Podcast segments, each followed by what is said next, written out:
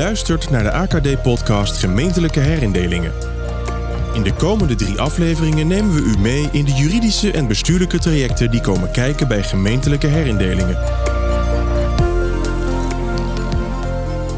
Welkom bij de eerste aflevering van onze podcastreeks Gemeentelijke Herindelingen. En daarom eh, ben ik blij dat we hier met z'n vieren zitten. Ehm, want ehm, Alexander Meijer, interim gemeentesecretaris, directeur bij gemeenten. Jij hebt veel ervaring met ambtelijke samenwerking, bestuurlijke fusie ook. Je bent bij de voorbereiding betrokken van de bestuurlijke fusie Dijk en Waard. En daarnaast Laudie Konings. Ehm, jij bent adviseur bij overheden op het gebied van financiële en bedrijfsvoeringsvraagstukken. Je bent ook bij verschillende samenwerkingsverbanden betrokken geweest, herindelingen en je hebt je eigen praktijk. Uh, naast mij zit Robin Jansen, net als ik, Hugo Doornhof van AKD. We zijn advocaten bestuursrecht en wij zijn bij een groot aantal voorbereidingen van herindelingen betrokken geweest. En daarnaast spelen rond herindelingen toch altijd ook een hoop juridische vragen los van de voorbereiding van de herindeling zelf. Um, we gaan uh, het vandaag met name hebben over de redenen om tot herindeling over te gaan. En misschien moet ik maar meteen een knuppel in het hoenderhok gooien. Wat is nou eigenlijk de ideale omvang van een gemeente? Laudi, als ik nou eens met jou begin om die vraag ja. dus als eerste te beantwoorden. Ja, ja een, een ideale omvang? Nou ja, wat ik in, de, in mijn praktijk heb uh, gezien is dat uh, ja, gemeenten, uh, nou, pak een beet tot 40.000 inwoners, die krijgen het steeds zwaarder. niet alleen zeg maar, met, met, op beleidsmatige gebied, met nou ja, sociaal domein, fysiek domein, omgevingswet. Maar je ziet ook zeg maar, op, op bedrijfsvoering dat ze het steeds zwaarder krijgen. Nou, aan de andere kant van het spectrum zijn gemeenten 150.000 uh, plus uh, inwoners. Hè. Nou, daar zie je al, uh, zeg maar, een, ik maak dan een vergelijking met een containerschip. ook soms heel lastig om, die, om zo'n grote organisatie wendbaar te houden. Dus als ik dan kijk van, ja, wat zou dan in mijn optiek een ideale grootte zijn? ik denk, nou ja, tussen de nou, pak een beet 50 en, en, en 80, 90.000 inwoners. Dat zijn toch wel gemeenten die aan de ene kant wendbaar zijn en aan de andere kant genoeg vlees op de, op de botten hebben hè, om, om eh, ja, vanuit bestuurskracht geredeneerd, maar ook uh, vanuit uh, bijvoorbeeld het, het functiehuis geredeneerd. Hè, want ja, die markt die blijft, die blijft krap. Ik denk ondanks corona. En die is ook wel interessant van, kan jij ook de juiste kwaliteit uit die markt aantrekken? En dan scheelt het ook wel als je een functiehuis hebt wat uh, nou ja, misschien wel uh, concurreerbaar is, competitief is ten opzichte van het bedrijfsleven. Alexander, ik heb toch ook een minister in het verleden wel eens horen zeggen, een gemeente zou eigenlijk 100.000 inwoners moeten zijn. Ja, een tweede, een tweede was, uh, idee was om het meteen op te tillen naar 200.000 inwoners. Ja. Nou, dat, dat is voor mij niet de ideale omvang, eerlijk gezegd. Ehm, vanuit de Vereniging van Gemeentesecretarissen hebben we ook onderzoek naar gedaan. En de ideale omvang uh, vanuit ons perspectief is ongeveer tussen de 70 en 90.000 inwoners. Um, daarboven kom je vaak op een coördinatievraagstuk en um, meer rondom uh, hè, hoe gaat het nu met met de wijken of stadsdelen in zo'n gemeente. En kleiner krijg je je bedrijfsvoering, precies wat Lodi zegt, dan krijg je bedrijfsvoering gewoon niet goed op orde. Uh, ben je niet de concurrerende werkgever die makkelijk uh, talent, kwaliteit uit de markt, uh, arbeidsmarkt weet te halen. En het is toch steeds belangrijk om, om goede leidinggevenden te krijgen, goed inhoudelijk professionals. En um, ja, met het gemiddelde van nu 40.000 inwoners per gemeente, ja, verwacht ik eigenlijk in de komende jaren uh, alleen maar een toename door de druk die er ook is op de financiën, op de kwaliteit.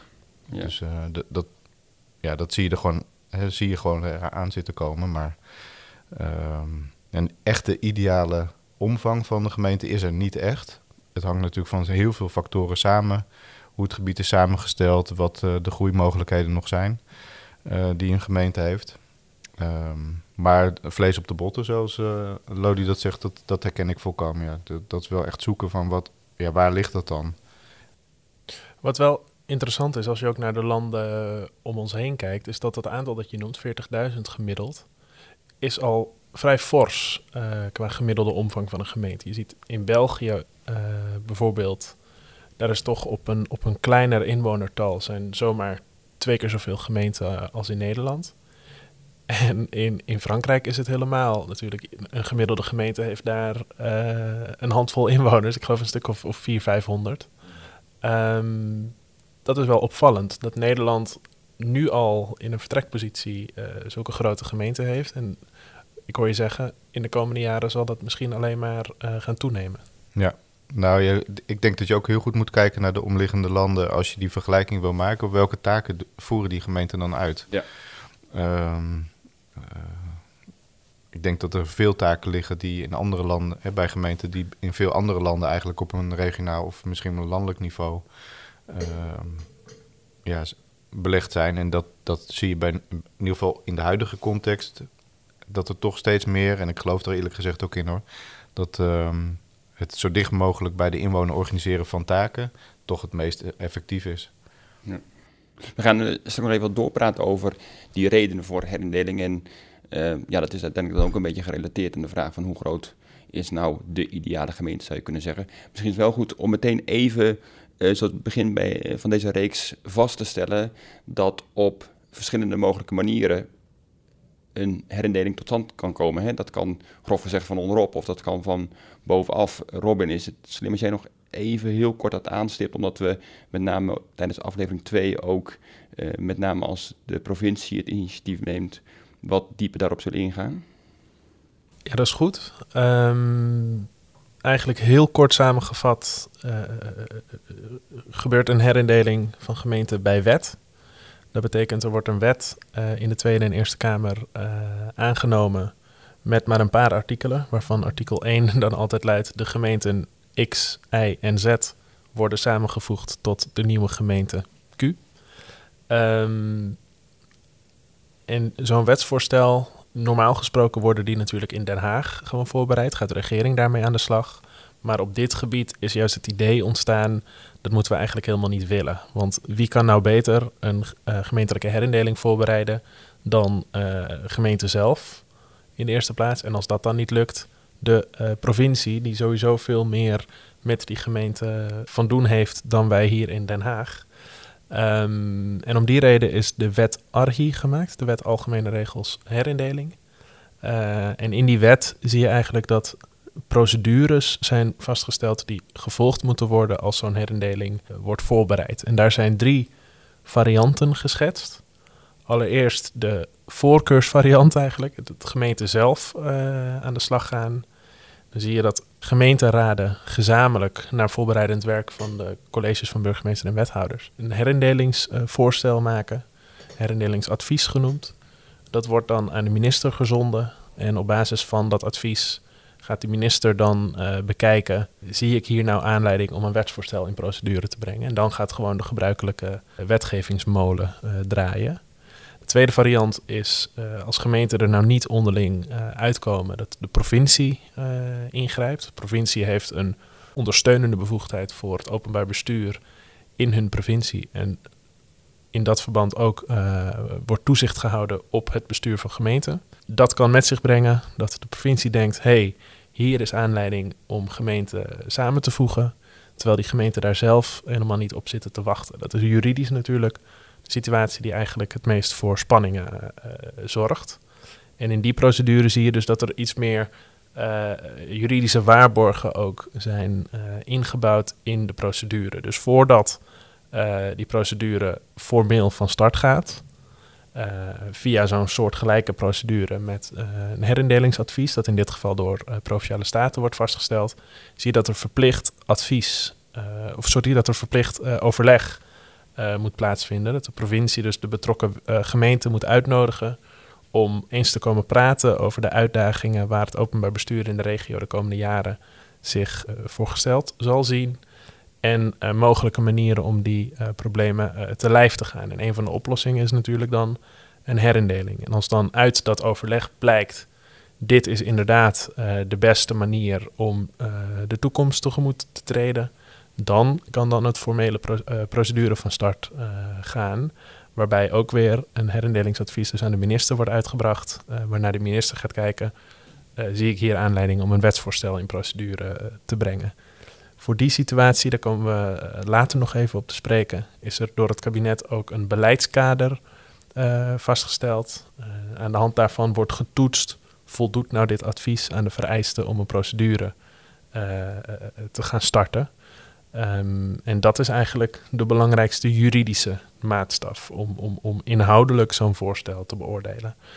Dan tot slot de derde variant is nog dat de minister zelf het initiatief neemt om zo'n procedure te starten. Dat komt eigenlijk heel weinig voor. Um, en dat is gewoon bedoeld als laatste redmiddel. Er gebeurt iets vreselijks en er moet echt actie ondernomen worden. En niet alleen gemeenten zelf komen er onderling niet uit, maar ook uh, de provincie verzaakt of ziet om wat voor reden dan ook geen aanleiding om uh, tot actie over te gaan. Dat zijn eigenlijk de drie manieren om uh, tot zo'n herindeling te komen. Nu had je het al even meteen over dat beleidskader, want dat is toch de leidraad, zou je kunnen zeggen, aan de hand waarvan de minister dan beoordeelt of initiatieven echt gaan leiden tot een voorstel van wet. Um, en dan komen we meteen even weer terug bij de vraag waar we ook mee begonnen. Hè? Wat is nou de ideale gemeente qua grootte? En dan zie je natuurlijk uh, dat eigenlijk niet zo terug in dat beleidskader dat dat er echt staat. Van nou ja, hè, dit is wat wij nastreven. Dus als je met dat doel uh, je herindelingsinitiatief formuleert, dan komt het wel goed. Nee, daar wordt een aantal criteria naar voren gebracht. En ja, we blijven toch misschien maar zeggen, al is het criterium 2 naar draagvlak, bestuurskracht, dat is toch een, een, kerndiscussie waar het vaak over gaat. En dan staat in het beleidskader um, een veel gehanteerde definitie van bestuurskracht, is het vermogen van gemeenten om hun wettelijke en niet-wettelijke taken uit te voeren en daarvoor de benodigde maatschappelijke en bestuurlijke relaties aan te gaan. Uh, Alexander, hoe kijk je nou aan tegen zo'n definitie? En wat zou je antwoord zijn als de vraag wordt gesteld: ja, wordt nou een gemeente beter of slechter van een fusie in het licht van de herindelingsvraag die mogelijk gesteld wordt? Um, kijk, het is altijd de vraag: wat bedoel je nu met um, het vermogen om. Hè, want dat is natuurlijk het interessante aan, aan die definitie, dat het. Um, dat het nog een kwalitatieve waardering vraagt van het woord vermogen. Het vermogen om iets te doen. De, en, en eigenlijk gaat het over een aantal dingen volgens mij. Uh, kunnen we de kwetsbaarheid van de ambtelijke organisatie um, um, ja, minder zwaar maken of, of juist uh, die kwetsbaarheid opheffen misschien wel. En dat zit ook een beetje in het licht van wat Laudi net zei van ja, kan je de juiste mensen uit de markt halen, maar heb je ook geen eenpitters meer. Um, het tweede is volgens mij ook uh, dat um, heel veel taken in gemeenschap, een gemeenschappelijke regeling zijn gegoten. Dus heel veel samenwerkingsverbanden zijn, waarbij een gemeente, maar ook heel vaak de democratie democratische legitimiteit natuurlijk ter discussie komt te staan. Eenheid van beleid, hè, wat inwoners in een bepaald gebied soms vervelend vinden, is dat bij de ene gemeente is iets wel mogelijk en bij een andere gemeente niet op het gebied van vergoedingen of wat dan ook. Uh, omdat de ene gemeente financieel draagkrachtiger is of de situaties anders zijn. Ja, en, en hoeveel voorzieningen er kunnen zijn eigenlijk in het algemeen in een gemeente. Nou, en, en als je, ja, dat versta ik eigenlijk meer onder het vergroten van bestuurskracht dan een redelijk uh, SEC-definitie zoals die nu ja. in, de, in het beleidskader uh, staat. Het is veel ingewikkelder dan, dan zoals het er staat eigenlijk. Wat zeg jij erop, uh, Laudi? Nou, wat ik wel interessant vind is eigenlijk... Um, wanneer, zeg maar, komen dan gedachten op rondom herindeling... En want ik zie zeg maar vaak dat uh, nou, er wordt heel veel samengewerkt. Hè? Uh, uh, of het nou is in het sociaal domein, de reiniging kennen we natuurlijk al jaren. wanneer is daar de rek uit? En hebben we zo lang mogelijk als gemeente het spook van herindeling buiten de deur weten te houden? En wanneer ga je daarover praten? En um, nou, ik denk ook, in, eh, Alexander noemt een aantal redenen. Ik noem het altijd de drie, de drie K's. Hè. Kwetsbaar, eh, kwetsbaarheid eh, opheffen of beperken. De kwaliteit en ook de kosten. Dat speelt uiteraard ook altijd, altijd mee. Kan je het nog financieren, zeg maar, al je taken? Ehm, op, op, een gegeven moment zet, dat je ook aan het, eh, aan het denken. Als je naar de buurgemeente kijkt en die hebben daar een eh, mooi zwembad liggen van eh, Olympisch formaat. En zelf kan je het niet meer bekostigen. Zijn, zijn dat dan triggers voor bestuurders om te denken van... nou, misschien moeten we eens over onze grenzen, gemeentegrenzen heen kijken. En ehm, ik denk dat daar ergens een soort kantelpunt zit. Wanneer houdt de effectiviteit van samenwerking op? En ontstaat er zeg maar een, een momentum van... nou ja, we kunnen zeg maar ook ondanks hè, eh, die samenwerkingen... kunnen we het hoofd niet meer boven water eh, houden. Want die, die, hè, je kan in een samenwerking zitten waar ook wat rijkere gemeenten in zitten. En als je zelf eh, zeg maar eh, hè, je schaarste moet verdelen als, als gemeente, ja, dan ben je misschien eerder geneigd om te kijken van, nou, misschien moeten we eraan gaan geloven. Eh, uiteindelijk, eh, je bespreekt dan heel serieus, zeg maar even, wat, be- wat, hè, wat bestuurskracht is. En dat moet ook onderbouwd worden. Toch, Laudi, heb ik nou niet de indruk dat altijd zeg maar, zo'n formeel argument de reden is om te gaan herindelen. Je hebt wel eens gezegd, ja, dat hangt ook echt van personen af Ja, die ja. elkaar Ja. al dan niet mogen bijvoorbeeld. Ja, klopt. Ik denk ook dat het heel persoonlijk is. eh zie je denk niet alleen bij herindelingen, zie je ook bij, eh, bij samenwerkingen. Eh, eh, bestuurders die elkaar iets, eh, niet, niet iets van elkaar willen, maar ook elkaar iets gunnen.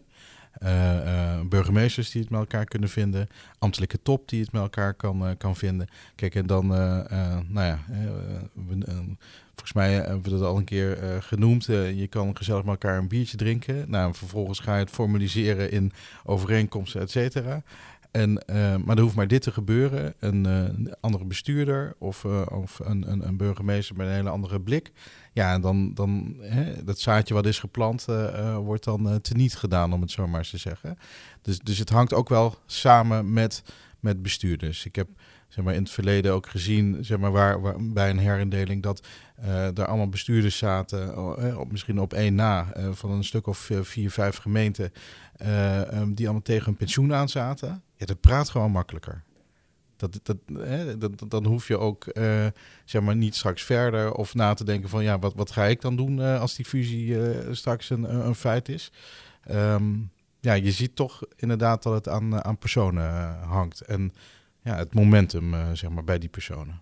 En daarnaast speelt natuurlijk ook altijd een belangrijk cultureel argument een, een, een grote rol. Hè. Dus t- een gemeente is ook een stuk eh, identiteit. Niet alleen voor de bestuurders, maar vooral ook voor, voor de inwoners. Je ziet toch vaak ook eh, naast al deze rationele eh, argumenten met de drie K's die je even noemt, een soort gevecht voor het voortbestaan van de eigen identiteit. Een plattelandsgemeente die niet bij de grote stad gevoegd wil worden. Dat soort voorbeelden.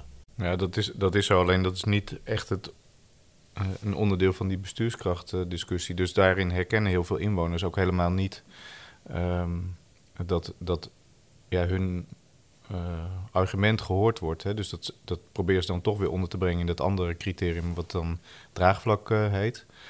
Ehm, maar voor heel veel inwoners, als je het hun vraagt, hè, eh, eh, speelt dit eigenlijk helemaal niet. Ik heb in een aantal herindelingsgemeenten gewerkt en er waren kernen eerder, misschien wel in de jaren 50 heringedeeld, maar die mensen voelden zich echt nog steeds geen onderdeel van het grotere geheel. Ja, die, die hecht eigenlijk dat bestuurskrachtargument ja, een beetje aan doofmansoren gericht. Ja, misschien. maar ze hebben ook helemaal geen idee van dat het over hun gemeente gaat, want hun gemeente bestaat uit hun gemeenschap. En dat is eigenlijk, en daar, daar ontlenen ze hun identiteit aan. Hè. Eh, Ankerveen is nog steeds Ankerveen, was al jaren Schravenland, werd later Weidemeren. Maar mijn Ankerveener voelt zich nog steeds Ankerveener. Alexander, jij, jij zei meteen ook even dat andere cri- criterium van draagvlak. Stel voor dat we dat bij aflevering we, 2 ja, even ja. bij de kop pakken. Eh, misschien is het wel goed, ik kijk even naar jou Robin. Ehm, wat ik zei, we hebben, eh, zitten natuurlijk ook met juridische vragen die opspelen. Juist ook wel in de voorbereiding, zeker bij een gemeentelijke herindeling. Dat hebt ook nog wel na, nadat de fusie al heeft plaatsgehad. Denk met name ook aan ehm, daar waar het gaat om eh, regio's, eh, gemeenschappelijke regelingen, dat daar toch altijd een hoop om te doen is rond zo'n gemeentelijke herindeling. Kun je daar misschien iets meer over zeggen? Ja, dat is altijd ehm, een wat bijzondere situatie, omdat een gemeente vaak in verschillende uh, samenwerkingsverbanden al deelneemt. Verschillende op, op kleinere schaal, in verschillende ook wat grotere schaal, allerlei overlegstructuren. En de vraag is dan, wat gebeurt er met die overlegstructuren waaraan een gemeente deelneemt als die gemeente niet meer bestaat? Um, nou, de wetgever heeft daar een oplossing voor geprobeerd te vinden door in diezelfde wet ARHI, waar we het zojuist al even over hadden, uh, te bepalen dat het is natuurlijk standaard een eenvoudige oplossing als alle gemeenten die aan een regeling uh, deelnemen ophouden te bestaan. Ja, dan houdt ook de samenwerking op te bestaan.